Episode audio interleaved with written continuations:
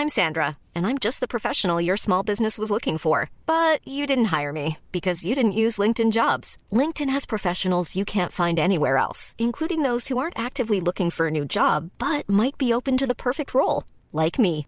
In a given month, over 70% of LinkedIn users don't visit other leading job sites. So if you're not looking on LinkedIn, you'll miss out on great candidates like Sandra. Start hiring professionals like a professional. Post your free job on linkedin.com/people today.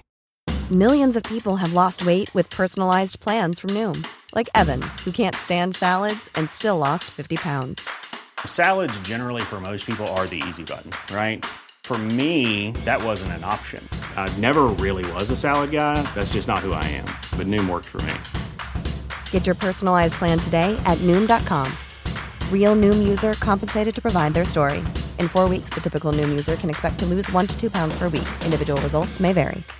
Hey, Dave. Yeah, Randy. Since we founded Bombus, we've always said our socks, underwear, and t shirts are super soft. Any new ideas? Maybe sublimely soft. Or disgustingly cozy? Wait, what? I got it. Bombus. Absurdly comfortable essentials for yourself And for those facing homelessness. because one purchased equals one donated. Wow, did we just write an ad?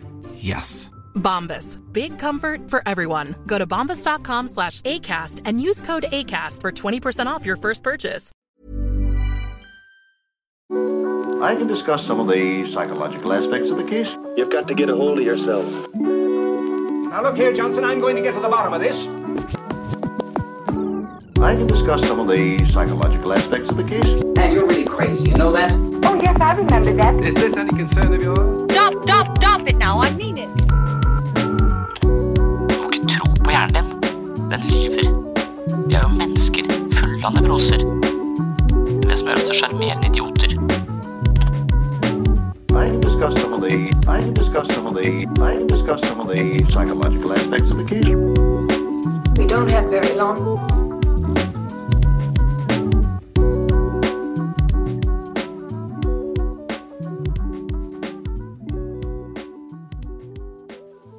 Her kommer eh, siste innslag fra Filosofifestivalen 2021. Det er duket for filosofisport. Vi skal på stående fot forklare og utbrodere ord og konsepters eh, betydning på en scene. Vi er samlet på Verven, en bar vegg i vegg med Victoria hotell i Kragerø. Jeg er på lag med turbofilosofen og kantianeren Anita Leirfall. Motstanderlaget består av filosof og fysiker Hans Herlof Grelland og NRK sin tidligere husfilosof Elin Svenneby. Det er selvfølgelig litt eh, skremmende å stå på en scene og holde små foredrag på ett minutt som både skal være relevante og helst litt morsomme. Bortsett fra det nervepirrende aspektet synes jeg at dette er en fantastisk fin øvelse.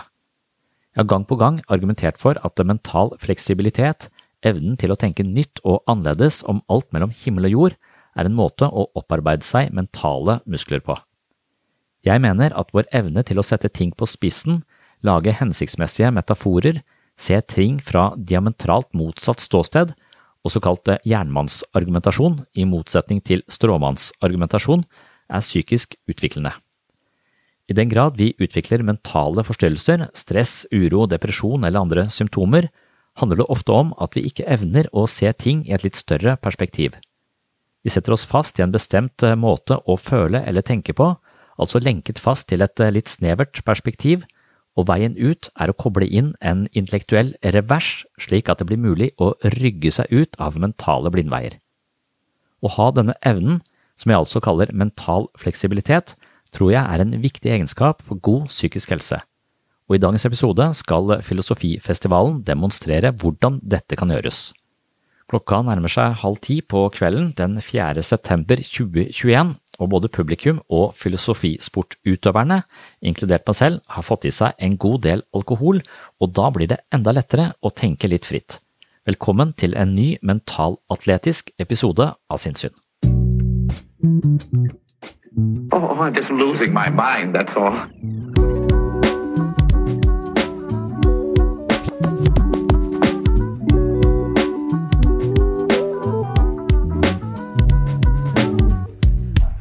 Da må jeg be dere som skal delta nå i filosofisporten, om å komme opp. Så skal jeg få presentert dere. Men det fins en håndholdt mikrofon. Så har vi noe å holde fast i. Ja, godt folk. Mens eh, deltakerne her kommer på plass, så skal jeg si litt om hva dette her er. Noen har sikkert Men eh, Ingmar, skal ikke jeg presentere dere først? Jo. Jo. Det var Anita. Skal vi se. Da begynner jeg med eh, presentasjon av den som jeg tror er førstereis. Ikke førstereisgutt, men førstereis på filosofifestivalen vår. Ja, og som heter Elin Svendi. Elin er kanskje mest kjent for de fleste som husfilosof i NRK P2s lørdagsprogram Studio Sokrates. Hvor hun har uh, snakka om, fortalt om, vært langt inne i filosofens betydning i møte med jazzens uttrykk. Spesielt og spennende, syns jeg det høres ut som. Forskningen hennes går ut på bl.a. å finne ut av kvinnelige filosofer i nyere tid. Og da tenker jeg på, fordi at jeg har jo hørt deg tidligere fantastisk om Alice Murdoch i dag, og hun ble født i 1919. Hva er nyere tid, Elin?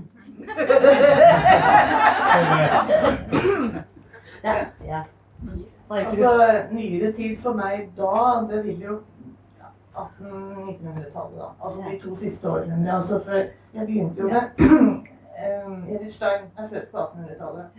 Så har du Hanne Arendt, som er akkurat Ja. på begynnelsen av 1900-tallet. Og så har du Simone de Beauvoir, som også er rett på 1900-tallet. Så hovedsakelig så er det forrige århundre. Ja, jeg skjønner. Ja, ja, det er nyere ting. Så har vi det på det klare for alle sammen.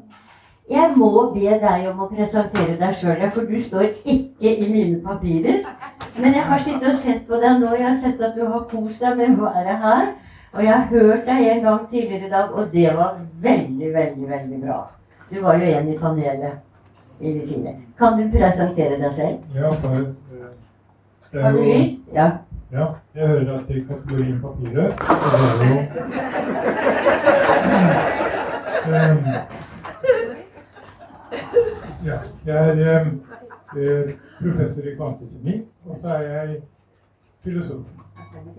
Ja. Og interessert i naturen, altså det kvantefysikkens mysterier, og i mennesker. Og filosofi handler for meg om mennesker. Ja. Sånn er det. Og så heter jeg Hans. Herlof Grelland. Ja, det kunne jeg jo sagt. Den er grei. Ja, men det var bra. Det holder helt sikkert. Ja. Da har vi Anita Leirfall. Du er ikke førstereis, i hvert fall. Jeg mener å ha sett deg her i alle de 14 åra vi har holdt på. Ikke langt fra. Du har i hvert fall vært veldig trofast. Det har du. Førsteamanuensis ved Filosofisk institutt i Bergen. Anita er eh, kantoianer Kantioaner kan, Kantianer, det holder. Og det sier ikke noen ting om hva hun spiser. Eller ikke spiser. Men at hun er eh, spesialist og filosofen Kant. Anita er rå. Hun klarer å få sagt så mye på så kort tid at det begynner å nærme seg Hylland Eriksen. Det hadde vært veldig moro å få dere to sammen en gang i, i, i filosofisport. Ja. Som sagt, Anita er en av de trofaste bidragsyterne våre, og som har vært med nesten fra oppstart. Det var det. Og så var det Sondre, er vi jo ferdig med han? Vet dere noe om nå? Så var det Ingmar Mæland. Skal vi se om ikke det er en lapp og det er jo Filosof. Nå uten bart og hestehale. Men det er en tid for alt, er vi enige om. Ja. Eh, medlem av Filosofifestivalens faglige råd i alle år. Fast og trofast bidragsyter til festivalen vår. Og det er noe vi setter veldig stor pris på. Hvor kjent du er i filosofiens verden, det vet jeg ikke. Men her hos oss er du kjent som den alltid hyggelige, lune, koselige karen med bart. Det kan til tider være vanskelig, litt vanskelig å forstå hva du sier. Ikke kanskje bare pga. dialekten, som kom fra Tysnes. Tysnes. Sunnhordland. Sør for Bergen. Ja, men stort sett så går det bra. Eh, I kveld skal, er det Ingvar som skal være igangsetter for Filosofene. Og du kan jo fortelle publikum hva dette går ut på, for de som ikke vet det. hvis de ikke har Og vi som skal delta. Og for, for, for de som skal delta som er førstereis. Ja, det skal jeg gjøre. Det var det jeg var i gang med. Og filosofisport er jo blitt en, en grein her på Filosofifestivalen. Den er jo inspirert av improteater. En variant av det er jo teatersport. Og denne måten å drive filosofi på er inspirert av det. Eh, Når en eh, ser nærmere på saken, så vil det vise seg at eh, filosofisport har vært en grein siden den antikke filosofiens begynnelse. Sokrates eh, drev med filosofisport. Og seinere hen så var det ulike skoler i. Aten- Platons skole er jo kjent. Eh, Der måtte de drive med gymnastikk. Ingen kom inn der som ikke kunne matematikk. Og så måtte de gå på skole i 50 år hvis de skulle bli eh, leder av bystaten. Aristoteles, som var elev av eh, Platon, lagde sin egen skole, Lykeia. Og der drev de også med øvelser. Da ble videreført i det som heter progymnasmata. Det er en gymnastikk. De hadde to typer gymnastikk. Ja. Og så hadde de gymnastikk for kavesa, for hodet. Det heter progymnasmata. Og en av øvelsene der var at folk skulle argumentere for noe ting. Da skal vi prøve på. Nå skal jeg si hvordan dette her Dette er jo en sportsgrein, så da må vi varme opp. Og Det er det første vi skal gjøre. Og da er det sånn at vi varmer disse her opp på samme måte som jeg varmer opp studentene. Nå skal dere lære dere noe bra. kroppen, hodet. Kroppen, hodet. Så da er det begrepsøvelser først. Og så kommer første omgang. Da er det jeg som bestemmer. Da er det sånn som heter tvunget. Alle som har spilt yatzy, vet jo det er forskjell på fri og tvunget. Og det samme er det i kunstløp. Ikke sant? Eh, Først er det et program med tvunget. når de viser at de kan ting. Og så er det friløp. Og da er den tredje delen. Og gjett hvem som skal få lov til å være med i friløpet. Det er publikum! Så det er tre deler her. Det er oppvarmingen. Da er det begrep. Og så er det eh, tvungen. Det er argumentasjon. Og så er det friløp. Og da er det publikum som bestemmer hva disse her skal svare på. Vel eh, Oppvarming. Da får altså hver eh, deltaker to minutter på å snakke om et begrep. Og jeg angir begrepet. Og, og jeg det eh, fra denne kanten den kanten der. Og så kan det hende vi snur om på det. Fordi vi skal prøve å ha litt flere sånn begrep som folk skal prøve seg på. En øvelse. Kan dere begrepene, eller kan dere de ikke? Og det har to minutter på å forklare dere, og da bryter jeg av. Har vi lov til å si pass? Ja, det, det må jeg veldig tydelig si. Det er lov å si pass. Men det, er, det tar seg veldig dårlig ut, altså. Men det er lov. Så da setter vi i gang. Klokka er kvart på, og vi fyrer løs. Vent litt, jeg må sette på tidsbegrensningen. Har Ja, den der er veldig praktisk. Nedtelling. Den er, den er dum som et brød, men, eh, men han er i hendene på en veldig smart fyr. Vel, vi fyrer løs, og eh, da er det Anita som er først ut. Og hva har vi funnet på her? Ja Anita, du får et stikkord her. Vilje. Én, to, tre.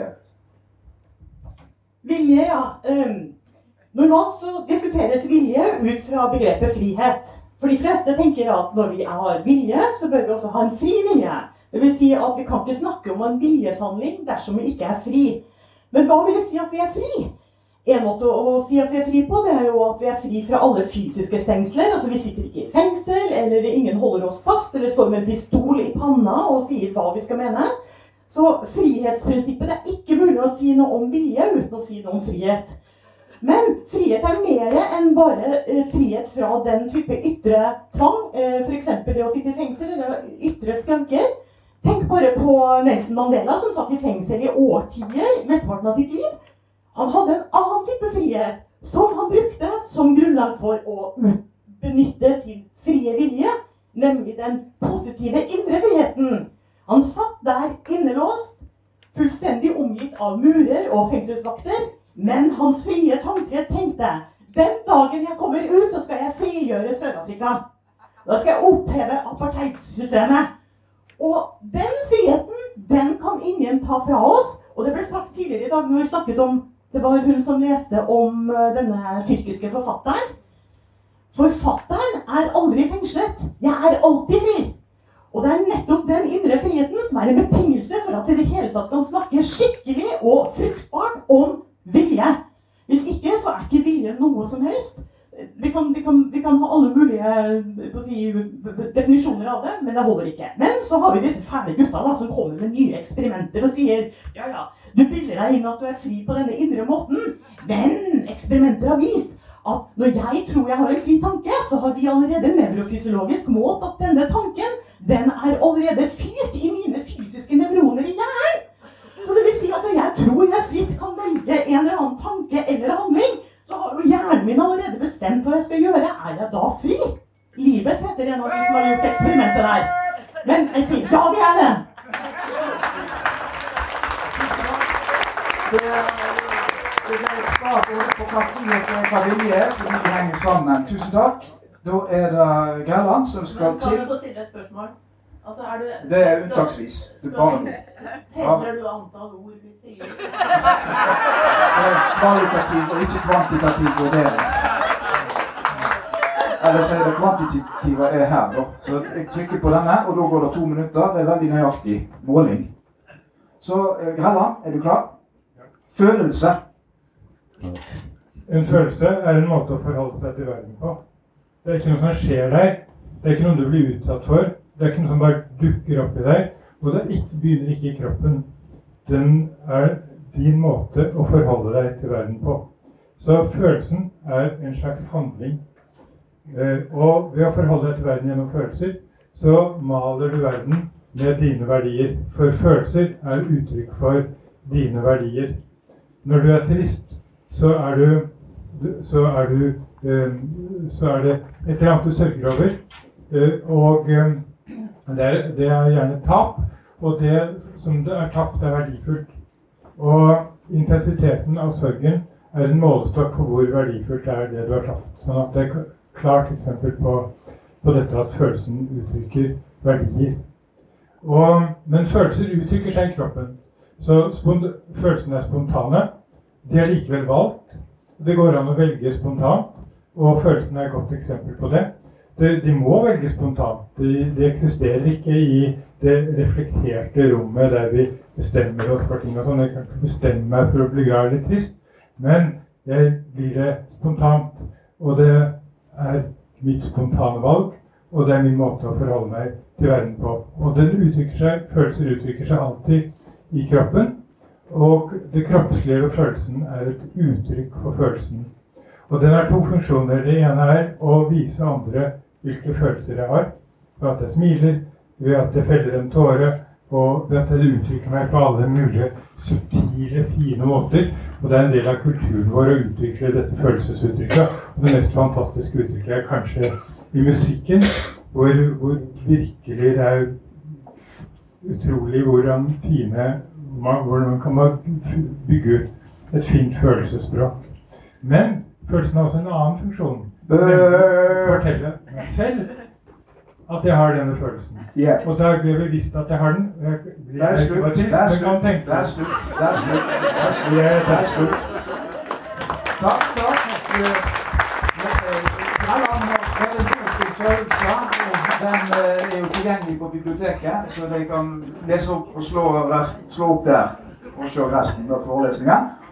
Eh, jeg hadde jo tenkt at du kanskje skulle skille mellom affekt og emosjoner og følelser. Som, men det var selvsagt jeg som hadde tenkt at du skulle Hvis jeg hadde vært med. Så er det en ny eh, rookie. Nykommer. Fersking. Syl. Grønnskåling. Men ikke i filosofien. Og jeg har et ord til deg, ikke et begrep. Og ordet er glaukon. Glaukon, ja, Glaukon, ja. Han, det var et gresk mannsnavn uh, i det klassiske Grekenland. Uh, det var veldig mange som het Glaukon. Uh, og en av de mest kjente, det var broren til Platon. Han het Glaukon, som veldig mange andre. Altså, I dag heter det Hans. Det er mange som heter Hans, ikke sant? Altså, men Glaukon var veldig vanlig navn. denne Glaukon var ikke så veldig begeistra for alt det som broren drev med. Altså, Nå snakker jeg om broren til Platon. da. Uh, han Ren Glaukon. Altså Glaukon med stor G. Han, uh, han diskuterte også med, med, Sokrates. Og i um, en dialog som heter 'Staten', som Platon påstår at det er han som har skrevet, men det er i hvert fall Sokrates som er hovedfiguren der. Der diskuterer Sokrates med Glaukon. Og Glaukon han øh, hører på, og Sokrates øh, sier at øh, disse filosofene de, de, er noen flotte menn som Nei, nei, altså Sokrates har framstilt idealpersonen. Og så sier Glaukon ja, det er noen flotte menn du har framstilt, Sokrates. Nett som det skulle være statuer, sier han på, på nynorsk. så Det er ganske godt sagt, egentlig. Og så var mye statuer i det gamle Hellas. Uh, og så sier uh, Sokrates ikke Nei, Glaukan, de var ikke statuer. Han sier ikke det. Han sier ikke bare menn, Glaukan. Også kvinner kan bli leiere i staten. For de kan også oppnå de samme dydene som mot, måtehold, rettferdighet eh, blir staten av. Jeg husker ikke mot visdom. Mot og måtehold. Altså, det helt, eh, kan være både kvinner og menn. For du kan ikke se det på et menneske. Du kan ikke se det på en kvinne om hun er modig. Hun må jo få prøve seg. Og det kan godt hende at en kvinne er enda modigere enn han der broren.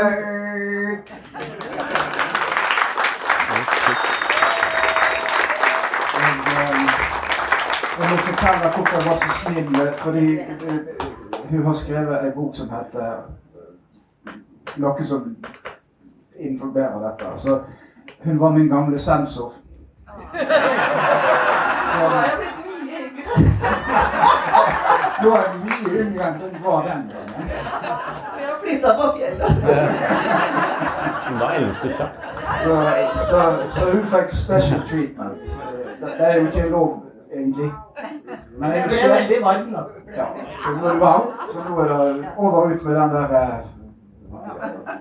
spesialbehandlingen. Ja, eh, Glaukon har jeg aldri hørt om. Så hvis jeg hadde fått det, hadde jeg snakket om glutenallergi. Ja, det er noe med glukose eller Ja, ja. eh, Allergi hadde jeg tatt for meg da. Men du skal få et begrep. Og du skal få et begrep, og du har to minutter som de andre. Og du skal få begrepet bevissthet. Bevissthet, ja.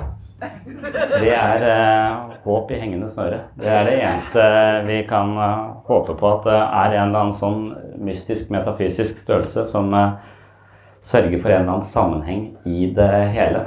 Så eh, bevisstheten er jo eh, ganske merkelig. Bevisstheten er øyet som ser, liksom. Vi, vi, vi er bevisste, alle er bevisste. Men eh, Eller jeg vet ikke, da. Noen ser ganske ubevisste ut. Men eh, det at de eh, det at vi er, eh, alle har en slags bevissthet, men ikke egentlig kan forklare hva det er for noe, det er det som er litt pussig ved det fenomenet. Og så kan det også virke som om bevisstheten alltid er bevisst noe annet enn seg selv. Sånn at den alltid liksom er Det er noe i vår bevissthet vi er bevisst om. Og dette vi er bevisst om når vi er våkne, det er som regel hvem vi er og egoet vårt, og det vi identifiserer oss med. da. Så, men så kan jo også bevisstheten bli selvbevisst, så bevisstheten blir bevissthet om seg selv. Så bevisstheten tar seg selv som objekt for sin egen analyse. Og da blir det jævlig komplisert. Enten så blir, det, eh, blir du ganske smart og får mye sånn selverkjennelse og forståelse, eller så blir det lagt inn med schizofreni. Eh, eh, begge de to tingene kan skje med deg. så Du må, ikke, du må ikke tenke for mye på din egen bevissthet, for det blir lagt inn. Du må tenke sånn passe, eh, sånn, sånn passe på det. Så, eh, så, så, for min del så har jo be bevisstheten er noe jeg har eh, eh, egentlig vært litt interessert i. For, for, jeg hadde håpet at i og med at ikke vitenskapen kan forklare dette her, og så tenker jeg at det er det de i religion kaller for sjel. Det er så en eller annen sånn litt eh, åndelig størrelse som, som, har vært det, det håpet jeg har hatt. At det kanskje når kroppen min dør, så kan den eventuelt da lastes opp, da, den sky. Eller at den blir gjenfødt som bikkje eller gris, som, eh, som, er eh, andre alternativet. At jeg skal leve med den samme bevisstheten videre i et eller annet sånn, eh, sånn evig liv med, med, med jomfruer og sånn, det, det, orker jeg ikke. Det syns jeg virker stressende. Du blir Gunda. Ja, som du får merke til, så har jeg snill de grønnskålene her. Vi fikk ting som vi kunne ganske godt. Nei, nå uh, Up the Ant, som det heter i boken. Nå blir det mer alvorlig. Og Anita kan jo sånn alt. Og før var det sofistene som sa de bare spør meg om hva som helst, så skal jeg uh, svare på det. Men vi er jo filosofer, og da er det mye mer alvorlig, ikke sant, Anita? Veldig alvorlig. Og du får uh, da et veldig vanskelig begrep. Øyeblikket. Wow. Eh, øyeblikket, ja. Eh, det første jeg tenker på da, det er eh, middelalderfilosofen Augustin, som snakker om disse evighetsøyeblikkene. Numpstans. Vi har den erfaringen noen ganger at tiden står helt stille. Du har vært litt inne på dette med ulykkeserfaring. Men vi trenger ikke ha ulykkeserfaring for å oppleve en sånn, en, den type evighetens øyeblikk. Vi kan ha det f.eks. hvis vi lytter på et fantastisk stykke musikk. Iallfall så har jeg sånne øyeblikk. Eller det kan være hvis vi får en type erkjennelse. Eller, altså, det er ikke begrenset hva det er som genererer dette øyeblikket. Men evighetens øyeblikk, nunkstans, det syns jeg er veldig flott. Fordi da glemmes alt annet, og vi er virkelig til stede i dette nået som tidskonferansen, eller denne festivalen om tid hittil har vist, er veldig vanskelig å fange. Enten så havner vi i paradokser, eller så havner vi i sånne illusoriske uendelige regress, nei, illusoriske svar, eller så ender vi i uendelige regresser. Men her har vi faktisk en mulighet for å oppleve et evighetsøyeblikk. Og alle, jeg tror alle har opplevd det på en eller annen måte via en eller annen erfaring. Så det er en måte dette nået kan blåses opp på, hvor vi føler vi holder det. Selv om tiden egentlig går, så er det øyeblikket stillestående, og det føles evig. Så vår endelighet, som da ligger til grunn for det her, den kan plutselig gå opp i denne uendelighetssfæren og bare stå stille der i dette evighetsøyeblikket. Og Det syns jeg er noe av det vakreste som Augustin blant annet, Han er ikke den eneste, men han la veldig vekt på denne type erfaring. Så prøv å uh, finne erfaringer som gir deg denne evighetsøyeblikket, for da kan man kanskje også føle at man lever mye lengre. Har man mange sånne evighetsøyeblikk, da kan man jo nærme seg i hvert fall sånn eh, prinsipielt i det uendelige en sånn evig eh, type følelse av et nå. Sånn at øyeblikket nettopp står stille eh, ad infinitum, og også ad indefinitum, som noen filosofer også kaller det. Altså at vi kan tenke oss at dette fortsetter i tid, i det uendelige. Så der, apropos tidskonferanse, jeg sier konferanse, tidsfestivalen her, eh, så vil jo det vise oss at tiden oppheves.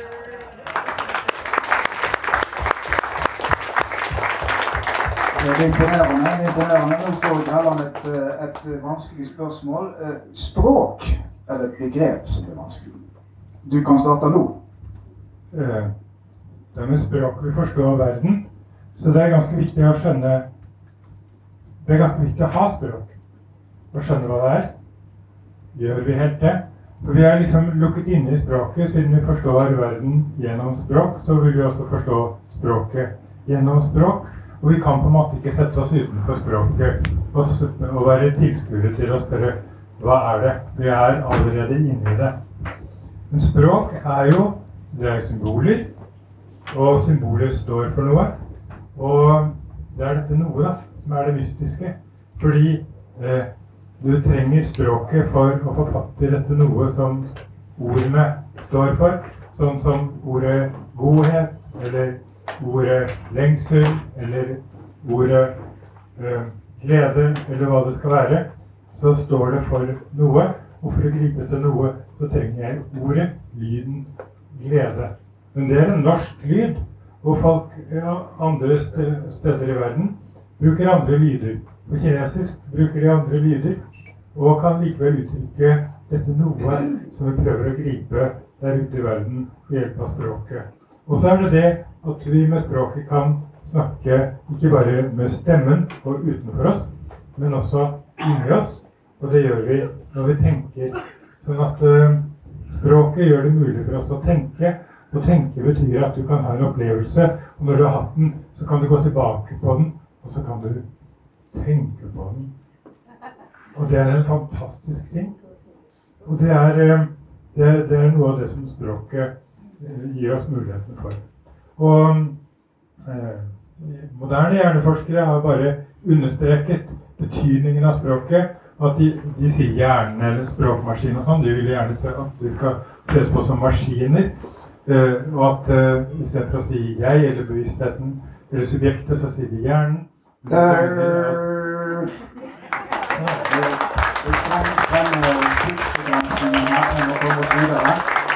Takk.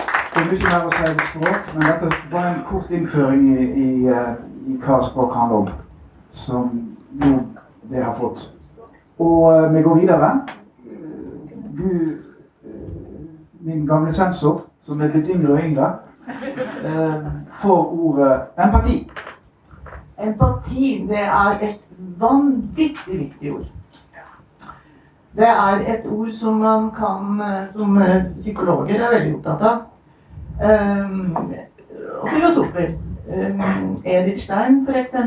Hussels uh, kronelev. Uh, skrev en uh, bok om empati, eller innføling, som det også kalles. av en Einfühlung. empati vil si at du har medfølelse med andre. Eller det vil si, egentlig så er det ikke medfølelse, det er innlevelse i det andre Uh, tenker, føler, holder på med. Altså uh, Et empatisk menneske er det motsatte av en som ikke bryr seg, ikke har noe medfølelse, ikke har noe innlevelse. Altså hvis uh, Hans nå datt ned på gulvet her, jeg sier ja ja, der ligger han, liksom. Så var det neste, neste spørsmålet du hadde tenkt over den mannen der. Det er det motsatte av empati, da. Veldig ofte så, så er um, filosofiske begreper sånn at de blir mer tydelige når man, når man viser til motset, motsetningen av ordet. Altså det å ikke ha empati. Uh, det er da å være uempatisk. Vi bruker ofte u eller ja, for, å, for å si noe at det ikke er det, da. Um, Edith Stein skrev altså en hel uh, bok om empati som virkelig kan anbefales. Og um, den er ikke dyr heller, så, så liten, uh, ganske liten bok, i motsetning til doktoravhandlingen hennes, som er kjempetjukk og fryktelig tung å lese. Det har Hans og jeg snakka om før i dag. Uh, vi tenkte på det begge to i går, at vi kanskje burde lese den boka sammen. Faktisk, For da kunne vi ta annenhver setning, og det ville også være veldig fint. For da kunne vi ha empati med hverandre. Og, og ikke, ikke slå hverandre i hodet med den, sånt, for den er veldig tung.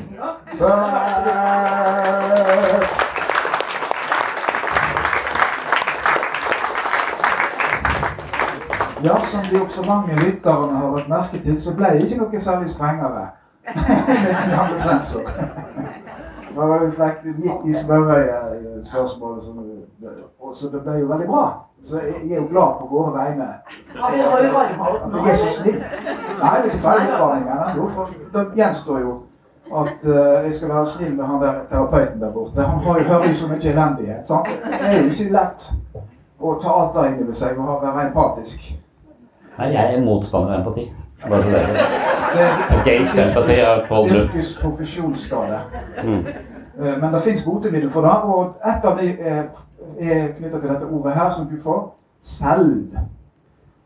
Selv, ja. ja. Det er en mental konstruksjon som du ikke må tro på. Så alle mennesker har et selv, noen kaller det ego osv. Det er rett og slett eh, nærmest operativsystemet inni huet vårt.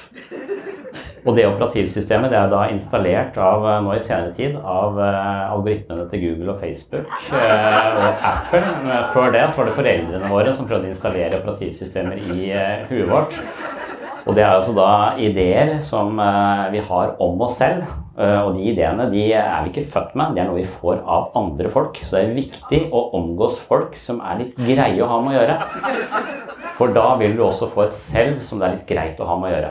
Men hvis du omgås folk som driver og rakker ned på deg, kritiserer, er sure og negative hele tiden, så vil du ofte eh, få et selv og et operativsystem som gjør det samme. Altså hvis du blir sett på som eh, en slabbedask, så vil dette selvet også tro at du er en slabbedask. Så vil du gå rundt og, og tro du er en slabbedask, og da også oppføre deg som om du er en eh, slabbedask, og bli en slabbedask. Så det er sånn, som sånn man blir, eh, blir slabbedask, det er altså en vrangforestilling i selvet. Så langt de fleste menneskene jeg møter, de har altså skakkjørte operativsystemer, det de kaller selvet sitt. Så for meg så er det ekstremt viktig å uh, fortelle dem at alt du tenker og føler om deg sjøl, er feil. Det er filtrert via så sjukt mange nevroser og virus i det der forbanna operativsystemet ditt, som vi i psykologien kaller et selv. Så det bare dementere med en gang. Og da blir det sånn Ja, men hvem er jeg nå, hvis ikke jeg, eh, hvis ikke jeg eh, er det jeg tror jeg, er? Da, da, ja, du er, du er sannsynligvis en slabbedask. Men da går jeg inn på beviset og sier at du bare er. Eh, også bevisstheten, altså Når du ikke har denne selve å være bevisst lenger, i dyp drømmeløs søvn, så er vi ren bevissthet. Og det er da vi virkelig får hvile. Hvis du aldri kommer dit, så blir du psykotisk, blir fanga ut i dette dårlige operativsystemet og jævlig opptatt av at andre skal like deg, bla, bla, bla. bla, bla. Jævlig slitsomt. Mens eh, i dyp drømmeløs søvn kun bevissthet uten dette forstyrrende selve, selvet. Og det er altså ditt eh, absolutte subjekt, Buddhas natur, ditt sanne ansikt. Og det er eh, det bevissthet egentlig er, for å svare på det som jeg ikke svarte på i stad.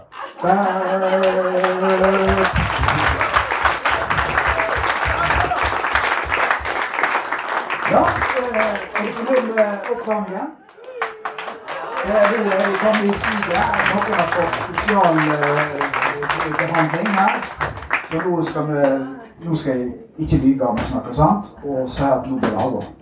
Nå skal vi gå over til det som i den pro-gymnasmaten var sånn du skal argumentere pro eh, kontra. Det vil si, du skal argumentere mot noe og for noe. Og vi deler det inn i to lag. Sånn at eh, Og de to lagene er da altså rett og slett eh, nybegynnerne. De er på ett lag. De i midten der. Og så er det veteranlaget. eh, Som er, og det er jo litt urettferdig, kanskje. Men hvem vet? Sånn er det alltid. Du, så, de tror vi skal vinne. Ja, Dette er jo lett spill. ikke sant? Nei, nå skal vi se hvordan det er ved den nybegynnerne. Det er jo det De er litt sånn ivrige. Men jeg må nesten se på hva jeg har skrevet her som skal være oppgavene. For eh, det skal jo også få lov til å komme til. Og vi skal ikke trøtte publikum. Det er jo gylden regel. ikke sant? Så det er ikke trøtte ennå. Du syns det her var, det var oppvarming. Sånn. Så nå begynner vi. Nå er det skikkelig alvor. Nå har vi fått begrepsavklaring, og nå kommer da argumentasjonslære. Og det er det for og mot. Det er veldig skjerpende. Og den første Da er, spillet sånn at eh, A-laget, som da er de som er nybegynnere de skal argumentere sterkt for det som blir kalt for analytisk filosofi. Og de har to minutter til sammen, ett minutt hver. Og eh, jeg skal si klar, ferdig, gå, og jeg må holde tida veldig strengt her. Og, og når, vi- om de har gjort det, så skal B-laget argumentere høy, høy, høy. Masse type og, og etterpå så skal B-laget øh, argumentere veldig sterkt for eh, øh, kontinentalfilosofi. Millions of people have lost weight with personalized plans from Noom, like Evan, who can't stand salads and still lost 50 pounds. Salads, generally, for most people, are the easy button, right? For me, that wasn't an option. I never really was a salad guy. That's just not who I am. But Noom worked for me. Get your personalized plan today at Noom.com. Real Noom user compensated to provide their story. In four weeks, the typical Noom user can expect to lose one to two pounds per week. Individual results may vary. There's never been a faster or easier way to start your weight loss journey than with PlushCare. PlushCare accepts most insurance plans and gives you online access to board-certified physicians who can prescribe FDA-approved weight loss medications like Wigovi and Zepbound for those who qualify. Take charge of your health and speak with a board-certified physician about a weight loss plan that's right for you. Get started today at plushcare.com slash weight loss. That's plushcare.com slash weight loss. plushcare.com slash weight loss. Wow. Nice. Yeah. What you're hearing are the sounds of people everywhere putting on Bombas socks, underwear, and t-shirts made from absurdly soft materials that feel like plush clouds. Yeah, that plush. And the best part? For every item you purchase, Bombas donates another to someone facing homelessness. Bombas. Big comfort for everyone. Go to bombas.com slash ACAST and use code ACAST for 20% off your first purchase. That's bombas.com slash ACAST. Code ACAST.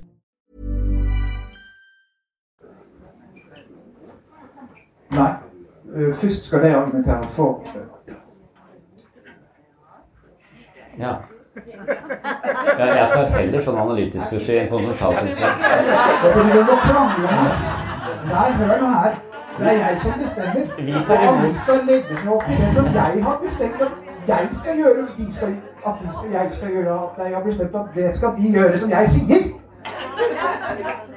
Ja, ok, ok. Poen- Poenget er at dere nettopp får høre sterke argumenter for nettopp analytisk filosofi, og så får du høre like sterke argumenter mot det samme. Så vi får den cashen. Glitch, glitch. Eh, Feil eh, virus. Ja, det kan Celler kommer i veien for bevisstheten. Ja, det gjør det nesten alltid.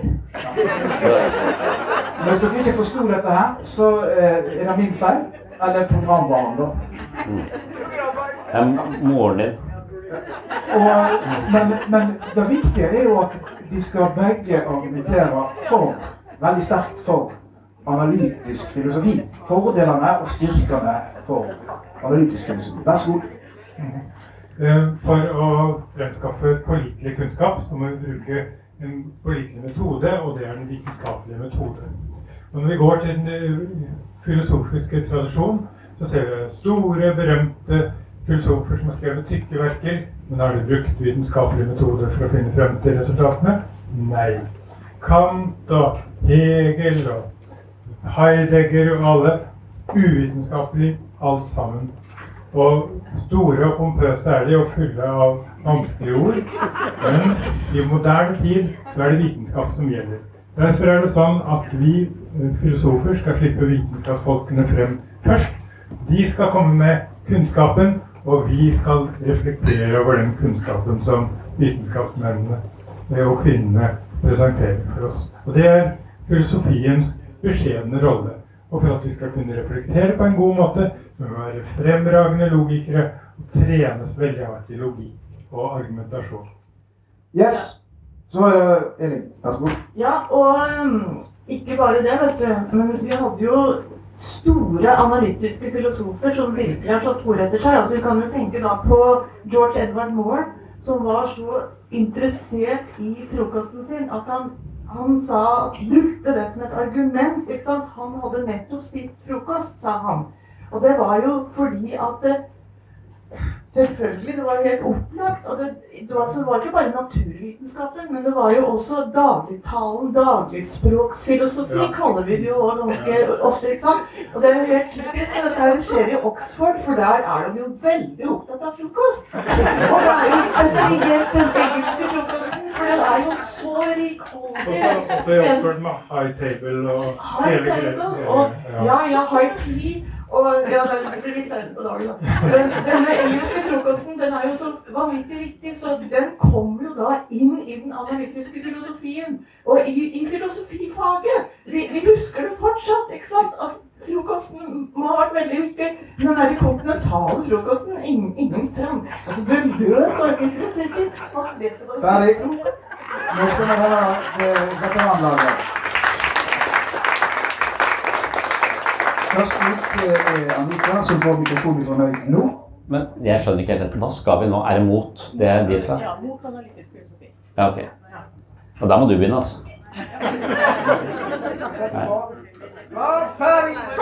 Ja, altså, Analytisk filosofi den har to pilarer. Det ene er at enten så har vi erfaringen, f.eks. Mr. Moore som hun snakker om. Hva er det Moore sier? Se her, jeg har én hånd. Se her, jeg har en annen hånd. Alle skjønner jo at nå har jeg bevist virkeligheten. Men som jeg sier til mine studenter, hvis vi tar en krukke med vann, eller en, en, en, en gjennomsiktig krukke med vann, ja, og tar en pinne nedi, så ser jo pinnen brukket ut. Er pinnen brukket? Well, well, dere vet jo at den ikke er det. Det er jo lysets refleksjon som får det til å se ut som det er brukket. Så dette erfaringsprinsippet, som det er ett av to prinsipper som skal fortelle oss hvordan vi har kunnskap, er jo helt håpløst. I tillegg, utover det empiriske, så sier de at ja, den andre pilaren, det er da logikk. Sånn at hvis jeg lager logiske setninger som 'det snør hvis og bare hvis det snør', så vil denne logiske setningen være sann hvis og bare hvis den matcher virkeligheten. Og Da tenker de seg sånne protokollsetninger da, hvor du får én-til-én-match mellom påstanden din og virkeligheten. Og vi vet jo alle at virkeligheten er mye rikere enn det. Altså rene logiske forhold og empiriske forhold. Jeg har uh, mikrofonen på meg, men jeg har ikke så mye å tilføre. men uh, nei, så, så, jeg skal være mot analytisk uh, filosofi. Så jeg er motstander av det fordi at de, de, analytiske filosofer uttrykker seg på en måte som folk ikke skjønner. Og dermed så er jeg litt usikker på hva de egentlig driver med. Så om dette er mennesker som er litt overkant kverulerende eh, og opptatt av eh, detaljer, litt sånn som eh, Autistforeningen, som da sitter innerst i en eller annen gang på et eller annet universitet og grubler på frokost i, i, veldig lang tid. Og hvem er det som betaler de, er jo mitt spørsmål. Så, jeg, ja, så, så jeg mener kanskje altså, jeg mener at ca. 37% av uh, verdens befolkning jobber med ting som uh, er helt uvesentlige uh, og rett og slett bortkasta tid. Det gjelder byråkrater og filosofer.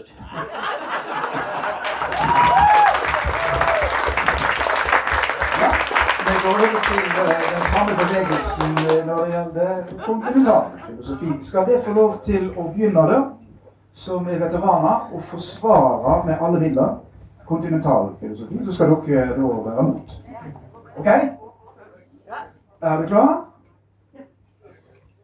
Klar, ferdig, gå! Kontinentalfilosofi er jo da ikke, ikke, motsatt fordi det finnes flere filosofier. Men det kontinentalfilosofien gjør vis-à-vis analytisk filosofi, det er at den sier at det er noe mer enn de to begrunnelsesformene som jeg var inne på. Og hva er det? Jo, Hvis vi tar vitenskapspersonen som driver med eksperimenter, så sier vedkommende at det som gjelder, det er fakta, og det er generering av data. Og så sjekker vi disse dataene mot våre hypoteser, og så sier vi om, det er, om dette holder eller ikke. Men det en kontinentalfilosof som f.eks. Kant sier, så er enhver forståelse av et datum det har jo allerede en metafysisk grunnlag. Altså Hva vil det si i det hele tatt å koble seg til verden som forsker, altså som et menneske? Hvordan folk kommer i kontakt med denne verden? Det disse analytiske filosofene gjør, det er at de skjærer av subjektet, de skjærer av mennesket, og så sier de 'her er verden', og så sitter vi og ser på den der ute, og så kan vi objektivt kartlegge den ut fra de to forklaringspilarene. Mens kontinentalfilosofi sier Subjektet må jo være i verden, og det er jo allerede horisont for verden. Og du har ikke ett eneste nøytralt faktum uten at du allerede har fortolket det metafysisk. Altså både ut fra ditt perspektiv, i tid og rom, som vi har hatt oppe på denne festivalen, men også i det hele tatt det å forstå på hvilken måte et faktum eksisterer. Og det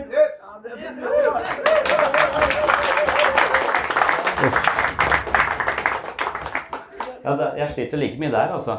Eh, så jeg vet ikke hvilke filosofer som går under kontinental eh, filosofi egentlig heller, men, eh, men, eh, fordelen med å lese det altså Jeg vet ikke, jeg har lest uh, Wittgenstein, forsto ingenting av. Jeg har prøvd å lese Sartre, jeg leste Kvalmen fra, fra perm til perm, skjønte jeg ingenting av. Men det ligna på det mine schizofrene pasienter sa til meg. Det var omtrent helt identisk, for å være helt ærlig. Så, så, jeg, så jeg fant så så det, eh, det, Fordelen med kontinentalfilosofi er at det er så vanskelig eh, å forstå at det, blir en sånn, eh, det er en slags styrketrening for hodet. da. Sånn at du blir som jeg sa i stad, altså du blir smartere av å lese bøker du ikke forstår, og så snakke om de etterpå. Så, så det jeg gjorde mye som student, det var å lese bøker jeg ikke forsto, og så snakka jeg til folk om det som jeg skjønte heller ikke hadde forstått. Da kan jeg si hva som helst, og det er det jeg mistenker at mange av disse kontinentalfilosofene faktisk gjør. da. Det var sånn. Men jeg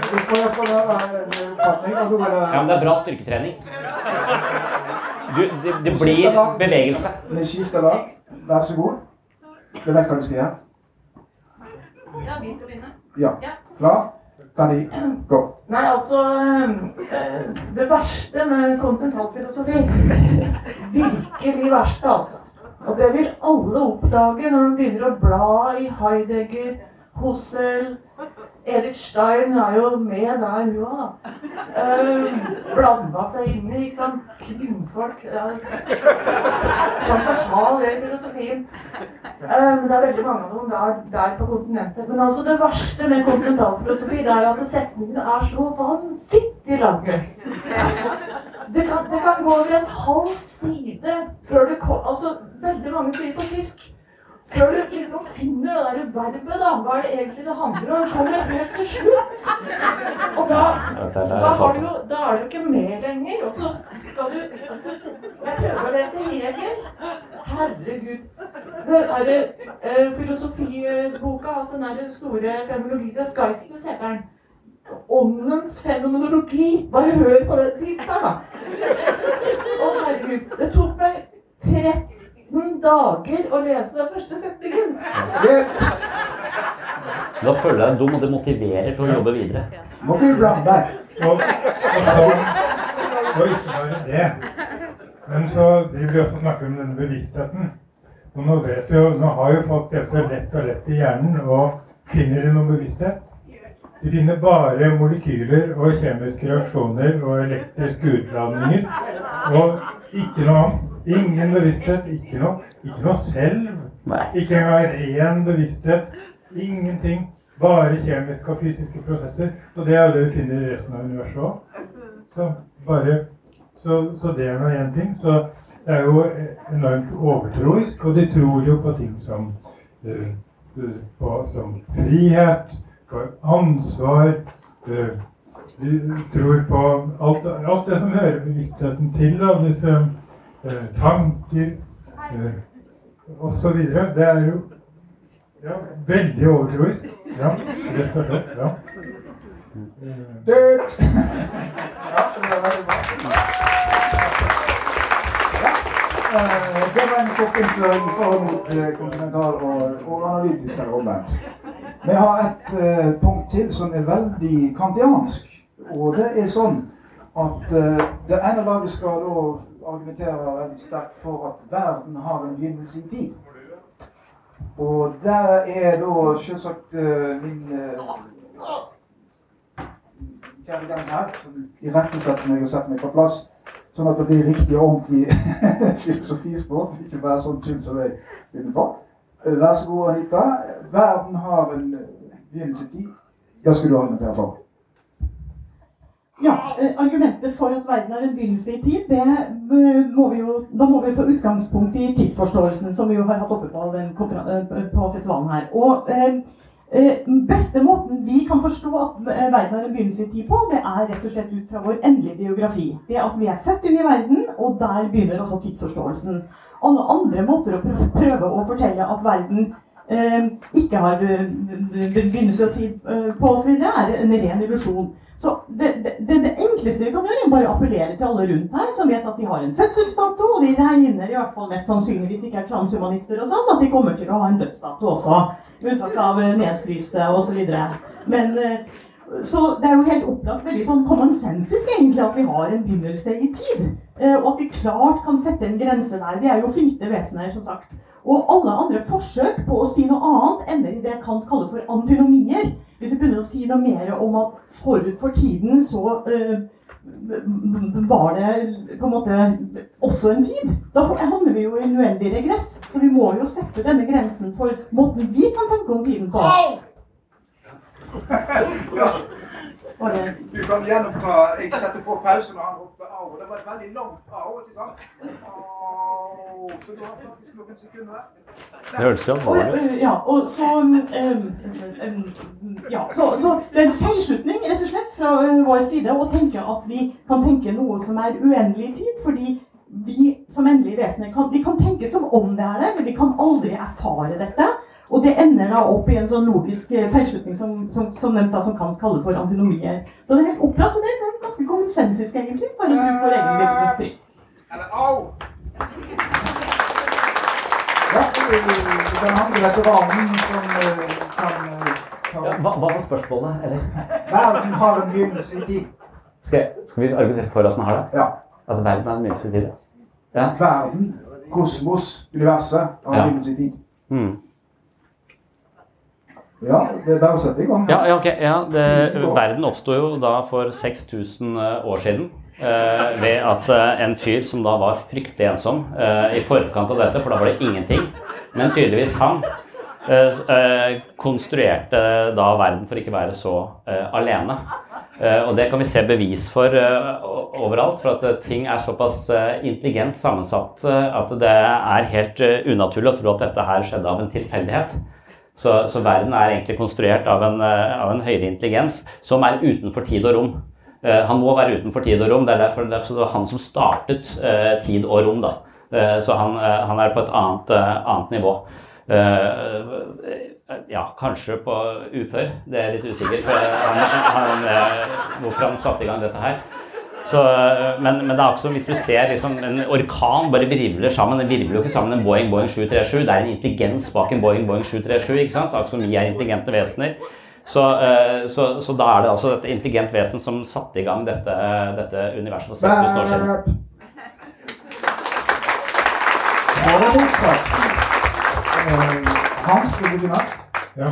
Eh, først vil jeg sitere Albert Einstein, som ble spurt om eh, hva var den essensielle innholdet i den generelle relativitetsteorien. Og da svarer han tidligere trodde vi at hvis vi fjernet all masse, alt stoff i rom i verden, så ville vi sette tilbake med tid og rom. I dag vet vi at hvis vi fjerner alt stoff i verden, så ville tid og rom også fjernes. Så tid og rom er en del av universet, og kan følgelig ikke bli til i tid. For det er ikke noe i tid før det er tid. Så det er ikke noe tid før universet eksisterer, og dermed kan ikke verset bli, universet bli til i tid. Og det, det, er det mer å si om det? Nei, det er helt rått. Det er litt, er til å, å avvise at Glenn har oppfattet uh, sin tid. Ja, altså Nå må vi ta oss sammen, vi filosofer. Vi må begynne å snakke om hermetegn. Altså snakker vi nå om verden har én begynnelse i tid, altså det doble. Eller er det enkle verden har én begynnelse i tid. Vi må få dette avklart først. Altså snakker vi om begreper her nå, eller snakker vi om ord, eller snakker vi om saker? Altså sånn som hvis jeg da tar den her holder her, og så hadde jeg et ark her der det sto stol, da er det ved doble hermetegn. Og så har jeg et begrep, jeg har en mental forestilling. Det er da stol med enkle hermetegn. Og den der, den har ingen hermetegn. Det ser vi jo. Hvis vi da skal snakke om verden som et ord, så har det selvfølgelig ingen begynnelse i tid. Dirt.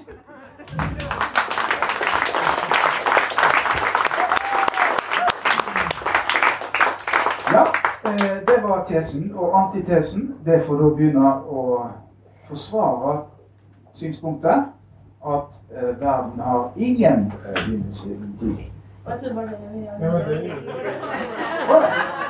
Jeg følger ikke med. jeg. Jeg skulle tenke på hotdog eller må å spise. jeg. Da blir østlending. Kan jeg være bergenser i stedet for? Det Er det greit? Mye, mye kjekkere å være det.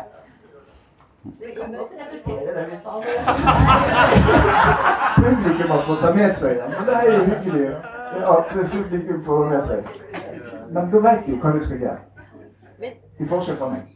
men Ingmar, er ikke, er ikke dette her egentlig nesten slutt? Nei, det vet ikke jeg. Men hvordan skal det, hvordan skal det bli med publikum, da? Det hadde vært sånn tid har du igjen? Du skal spille og synge for oss òg, du, vet du. Nei da, vi skal ha filofisfyr bort. Ja. Vi skal ha. Vi har. Er det bare en time allerede? Men da må vi slippe publikum til. Da ble det bare halvveis. Og, og det må jo få høre den siste oppgaven som jeg hadde laga til. Da, for jeg, det, det tok jo mye lengre tid enn Kan ikke beregne tid. Uh, Vi får for lang tid. Vi får for lang tid. Men Ja, i hvert fall eh, jeg. hva sier dere? Skal vi ha en folkeavstemning? Vil dere være med? Eller vil dere høre på? Ja, begge deler. Ja. Da skal jeg si Begge deler. Bare fortsett. Eh, Men nå har vi egentlig Nå har jeg rota det til her, og jeg klarer ikke å lese hva jeg sjøl har skrevet engang. Men den tredje oppgaven den er sånn Er det bedre å lide urett enn å gjøre urett? Det er bedre å lide urett enn å gjøre urett. Eller det er bedre å gjøre urett enn å lide urett. Det var den tredje oppgaven. Men vi fortsetter på den, det sporet vi hadde, og så kan da, da, da, den motsetningen klinge, og det var det etiske. Og så får publikum være med, så, så redder jeg om i halvveis. Sant? Og eh, da setter vi i gang med denne antinomien. Har verden en begynnelse i tid, eller har den det ikke? Nei, nå tar vi den her med urett, for den kan jeg. Å ja! Så da lever jeg i fortiden der, da. Plutselig. Ja. Nå flytter vi ned til C sjøen og så tar vi urett. Og eh, første lag ut da er de som er eh, rookies, grønnskåringer, nybegynnere, som tydeligvis er mer skjerpa enn programlederen her. Um, Forsvar påstanden det er bedre å lide urett enn å gjøre urett. Det er bedre å lide urett enn å gjøre urett. Hvorfor? Ja, det er grønnskålingene. Ja. eh, Det er, det litt plagsomt å argumentere for egne synspunkter men vi får vi bare prøve. Eh, var- ble plutselig veldig alvorlig. Men, eh, men eh, det er bedre å lide urett enn å Det er bedre å Hva sa du? Det bedre å lide urett enn å gjøre urett. Ja, ja det, det er jeg med på. Det, det mener, jeg, mener jeg jo også til. Så det, så det det Ja. Jeg kan bli. Ja. Altså, jeg vil jo definere meg som masochist. Og i den forbindelse så vil jeg si at det er mye bedre å lide urett enn å gjøre urett. Men så har vi Hans her, da. Han er litt mer av den derre ja, litt mer sadistisk, er du ikke det? Ja, Ja, Men du kunne også tenke deg å gjøre urett hvis du fikk valget? Nei, nei, nei så vi, vi skal jo forsvare samme standpunkt. Så, så, um, ja. Jeg vil heller lide urett enn å gjøre urett, ja. ja. For det mener jeg faktisk at det er urett. Ja, ja. Men hvorfor? Eh, Ja, det er grunn, grunn til det. Ja, for dette det, eh, det, det, det, å, det å lide urett, det, er, det kan være smertefullt og plagsomt. Og det å gjøre deilig. urett, det har noe Det har jo Det det er, altså, å gjøre urett, det det er en sånn karakterbrist. Det er, det, det, å- så, og, det, og det å ha en karakterbrist, det, det, er, det, er- det er liksom noe fundamentalt galt som er mye verre enn å bare ha enn å, hva skal jeg si, bare ha smerter eller oppleve ubehag. Så det, Men det er måten man har det på. Men husk nå at påstand skal få Det det er bedre å, å lide urett enn å gjøre urett. Hvorfor? Og du sier det fordi jeg liker å bli plaga. Men du sier det er en annen grunn. det er en annen grunn, ja. Og det er, det er at jeg syns det er veldig ille å gjøre urett. Altså det, det er veldig ille for den som gjør det, for det betyr en karakterbrist som er veldig fundamental brist i, hos, hos en person. Da. Og det er liksom det siste man skulle ønske seg. at man har Men hun liker det, da. Viking, viking eller ikke-viking kom ikke inn i bildet her. Ok, spørsmålet. På, Påstand ble i hvert fall inntil en viss grad belyst, får vi si. Men, men så er påstanden her, da, som skal forsvares, det er bedre å gjøre urett enn å lide urett.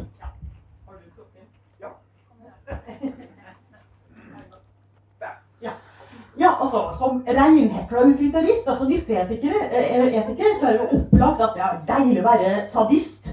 Og eh, hvorfor? Fordi ved å virkelig gjøre urett, så får man jo maksimert nytte i form av lykke. Tenk hvilken lykkefølelse å påføre andre eh, smerte. Altså, det, det er jo bare en bivirkning for min del, fordi jeg veier jo bare opp den positive nytten i form av mine lysthedoner. Så her er det jo bare å virkelig gjøre urett, og hva den andre føler av negative eller smertefulle tilstander, det er jo helt likegyldig. For her er det om å gjøre å maksimere nytte for flest mulig berørte parter. Og man nyter denne eh, sadismen. Og det er det som er lykketilstanden innenfor en sånn skikkelig reinhekla nyttetenkning, som jo er høyst utbredt i samfunnet i dag. Vi gjør ikke annet enn å drive og avveie nytte. Så alle er en del av det. Så her er det bare å gå all in. Og tenke at hvis vi bare fortsetter denne nyttetenkningen, så vil vi alle være skikkelige gode sadister og nyte å gjøre urett mot andre. Og hva som måtte være negative konsekvenser for andre, det er, eh, har mye mindre vekt i dette nyttebudsjettet. Og av følgende grunner så er det heller ikke noe vi moralsk legger vekt på.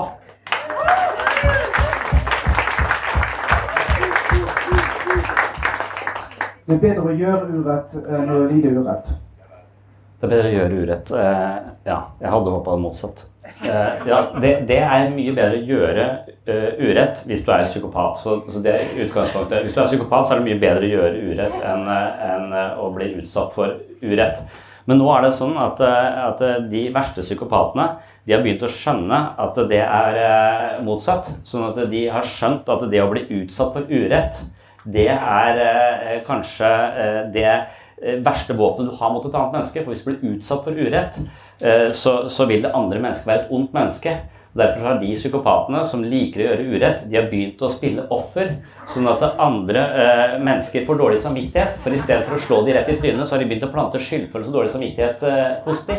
Og dermed så uansett eh, hva noen sier, så blir de krenka for det. Og når de da blir, blir krenka, så skjønner de at det er som bare slå folk rett i magen med skyldfølelse og alt mulig, og dårlig samvittighet osv. Så, videre. så det en det å gjøre urett på den måten er den mest effektive eh, måten å plage andre folk på, og det har blitt veldig populært i det siste. Ja, men nå åpner publikum. Eh, Så da er det sånn at det er mange ord, mange begrep. Vi vender tilbake til den første. Nå er det publikum som får lov til å stille eh, et stikkord til rådighet for eh, hver av disse. Og alle fire skal svare på det samme på ett minutt. Så alle har ett minutt, og alle skal gjøre sin versjon. Er det noen som har et forslag? Her, den som er først ute, det var deg, og så var det deg. Ta. På bakgrunn av det som har vært sagt om selv og hjernen som fysisk organ, med elektroner osv., så, videre, så spør jeg dere hva er ånd? Anita? Ånd er jo bare tullball. Det fins jo ikke noe ånd. For nå har vi gode redskaper. Vi setter elektroder på, på altså hjernen til mennesker, og så måler vi eksakt nevrale fyringer. Hvis du f.eks. ser en bit sjokolade, og du er veldig glad i sjokolade, så fyrer det helt klart i en del av din bevissthet. Og vi får det kartlagt helt konkret i form av bølgelengder som vi måler, og vi får klare kvantifiserbare svar. Det fins ikke noe mer. Og en av de som virkelig forsvarer dette, er filosofen Daniel Dennett, som sier at alt som har med ånd og sjel og bevissthet og selv og alle disse tullballbegrepene bortover her, det fins ikke.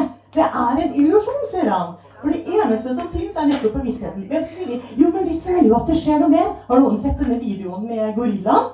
Eh, hvor det er to, basket, to, to, lag som har en ball, og de skal spille mot hverandre. og De er kledd i hvitt. Og så skal du telle hvor mange ganger den ballen går frem og tilbake. Men, men, og det er oppgaven. Men mens det skjer, så kommer det en kjempesvær sort gorilla i midten og står og danser sånn et par sekunder, og så går den unna. Første gang jeg så videoen, så så jeg søren meg ikke denne gorillaen.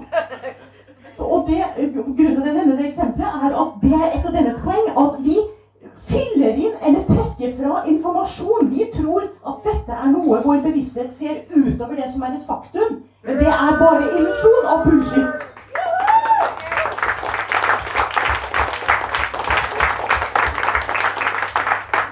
Vær så god, Hans. Ja, spørsmålet er hva er ånd? Og jeg vil si at um, med ånd så vil jeg mene omtrent det samme som bevissthet. Og da Som jeg da tror finnes. Og som jeg ser på som det fundamentale tilværelsen, i betydning at alle ideer og begreper om materie er det noe som bevisstheter har fremskaffet. Og all, alle hva skal jeg si, forestillinger vi har om materie, er basert på observasjoner gjort av en bevissthet. sånn at bevisstheten mener jeg er fundamental i tilværelsen. Og det er det jeg kaller det jeg ville kalle ånd. Og jeg ser ikke noe sånn uh, subtil og skarp forskjell på sjel og ånd og, og bevissthet. Det, det var, du, du får ekstra poeng fordi du klarte deg før tida var ute. Så det den, den gamle, men også veldig unge og nye sensor som heter Elin. Vær så god. Nei, altså Her går vi tilbake til Alice Murdoch. Det er helt klart. Og hennes eh, hovedverk 'Metaphysics as a Guide to Morals'. For der snakker Aris Murdoch om den dydige bonden, 'the virtuous peasant'. Og er det noe bønder har greie på, så er det ånda.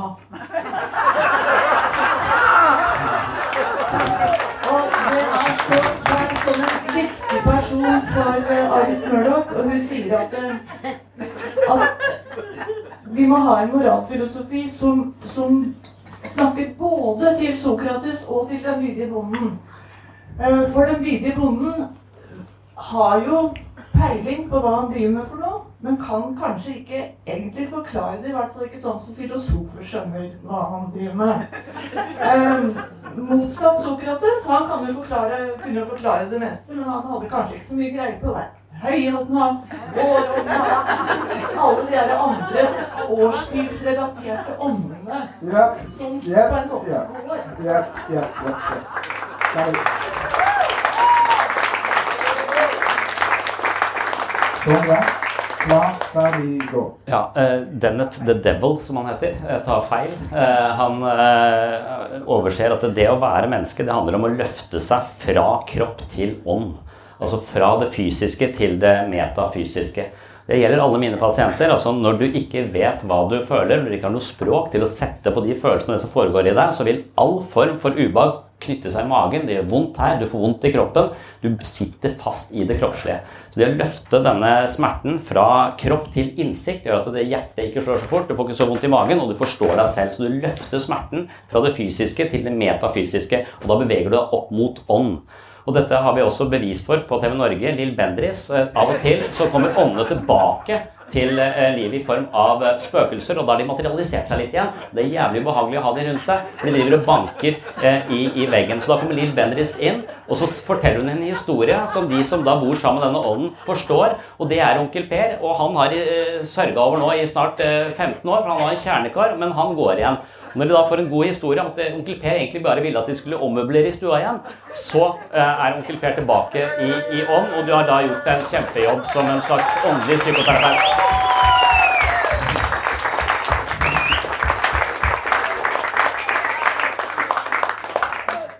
Spørsmålet mitt er hvorfor filosofi best egentlig kan forklare alt vi lurer rundt pandemi.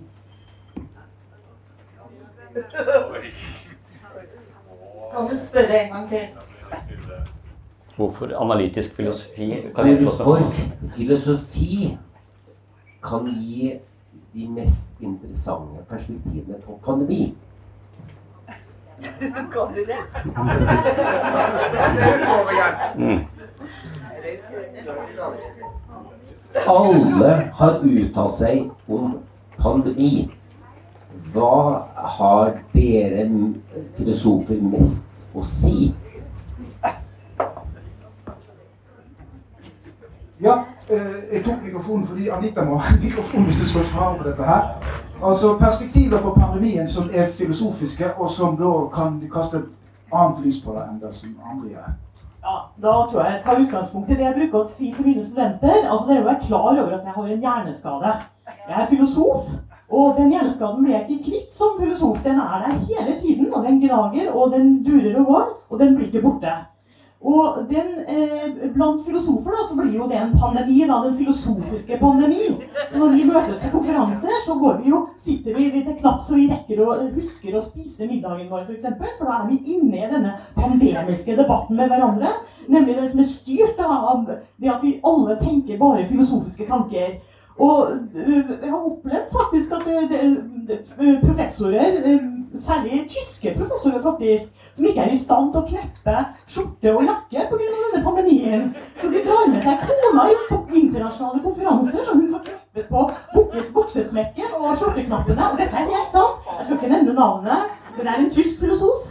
Eh, litt eldre, når jeg lever så vidt ennå. Og eh, det må jeg si en ganske pandemisk erfaring. Og bare dra på en filosofikonferanse, så ser dere hva som foregår. Det er knapt så vi får både vått og tørt inn, og knapt knærne på.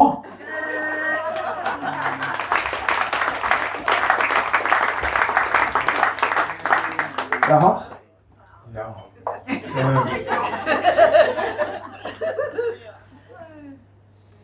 eh, Det er sånn at eh, eh, medisiner og sånne spesialister de har liksom sitt smale område.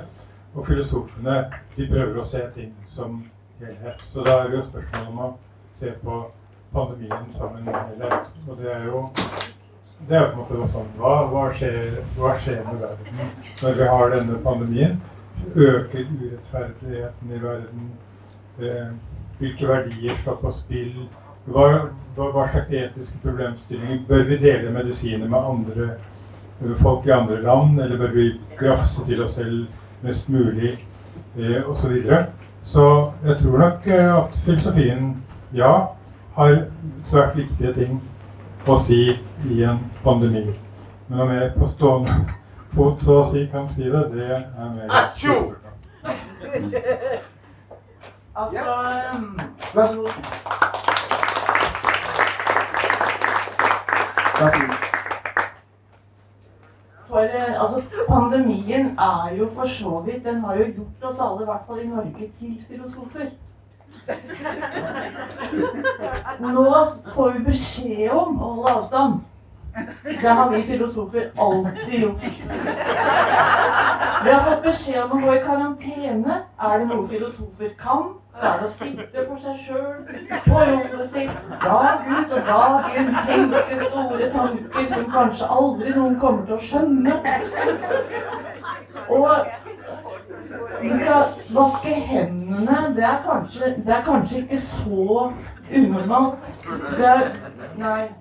Det, men, men altså den derre holde avstand, holde deg unna folk eh, ikke, ikke, hånd, ikke ta som ikke klemming av sånne der følelsesgreier. og sånn Rein fornuft. Bruk mobiltelefon. Sitt inne. Eh, gå en tur rundt huset og vær kjempefornøyd fordi at du kan gjøre det. Det er filosofi. Vi alltid antibac.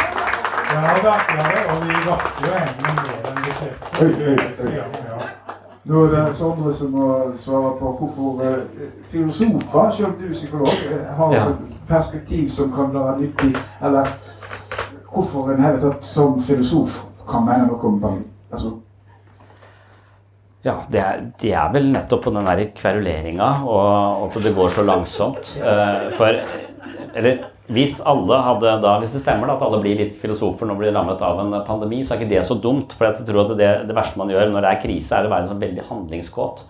Så, så det å så sette i gang ting med en gang, det vil ikke det er, Så filosofen er en slags bremsekloss da, på, på handling. For det sier ja, men er det så lurt?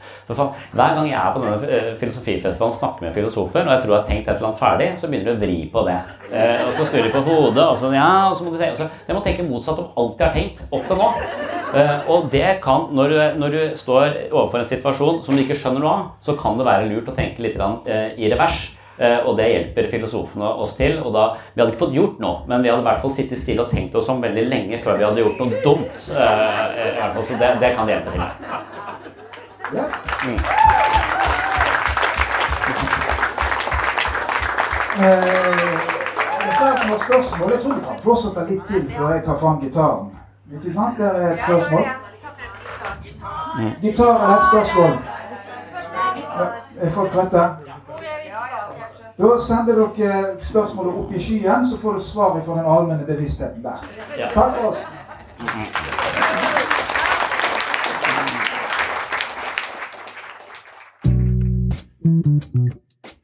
Oh, I'm just losing my mind, that's all.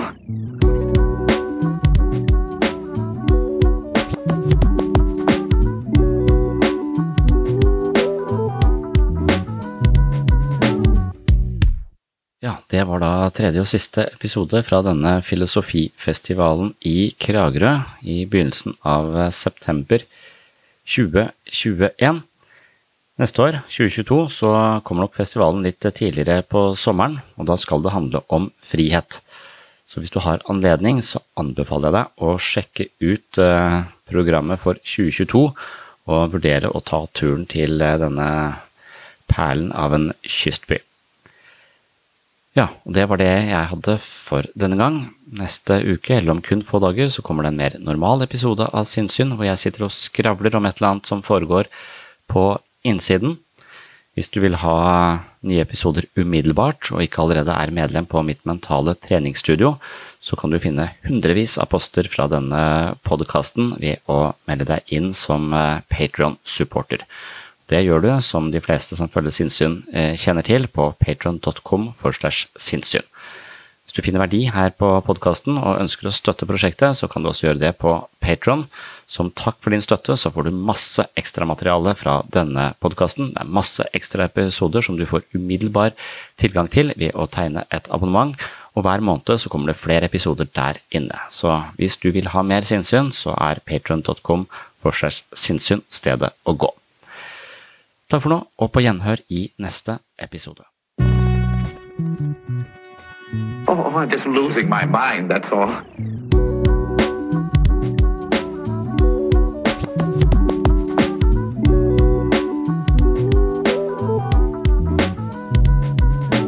I can discuss some of the I can discuss some of the I can discuss some of the psychological aspects of the case. Psycho, psycho, psychological aspects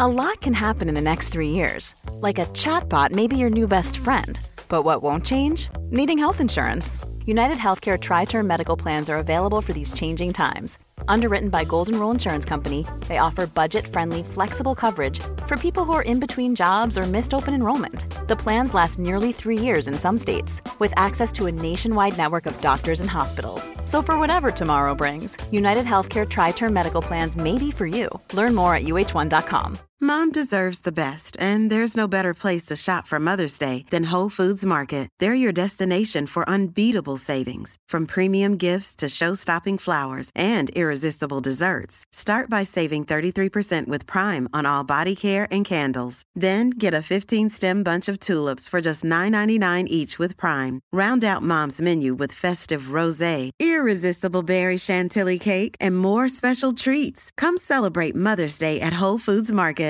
Planning for your next trip? Elevate your travel style with Quince. Quince has all the jet setting essentials you'll want for your next getaway, like European linen, premium luggage options, buttery soft Italian leather bags, and so much more. And is all priced at 50 to 80% less than similar brands. Plus, Quince only works with factories that use safe and ethical manufacturing practices. Pack your bags with high-quality essentials you'll be wearing for vacations to come with Quince. Go to quince.com slash pack for free shipping and 365-day returns.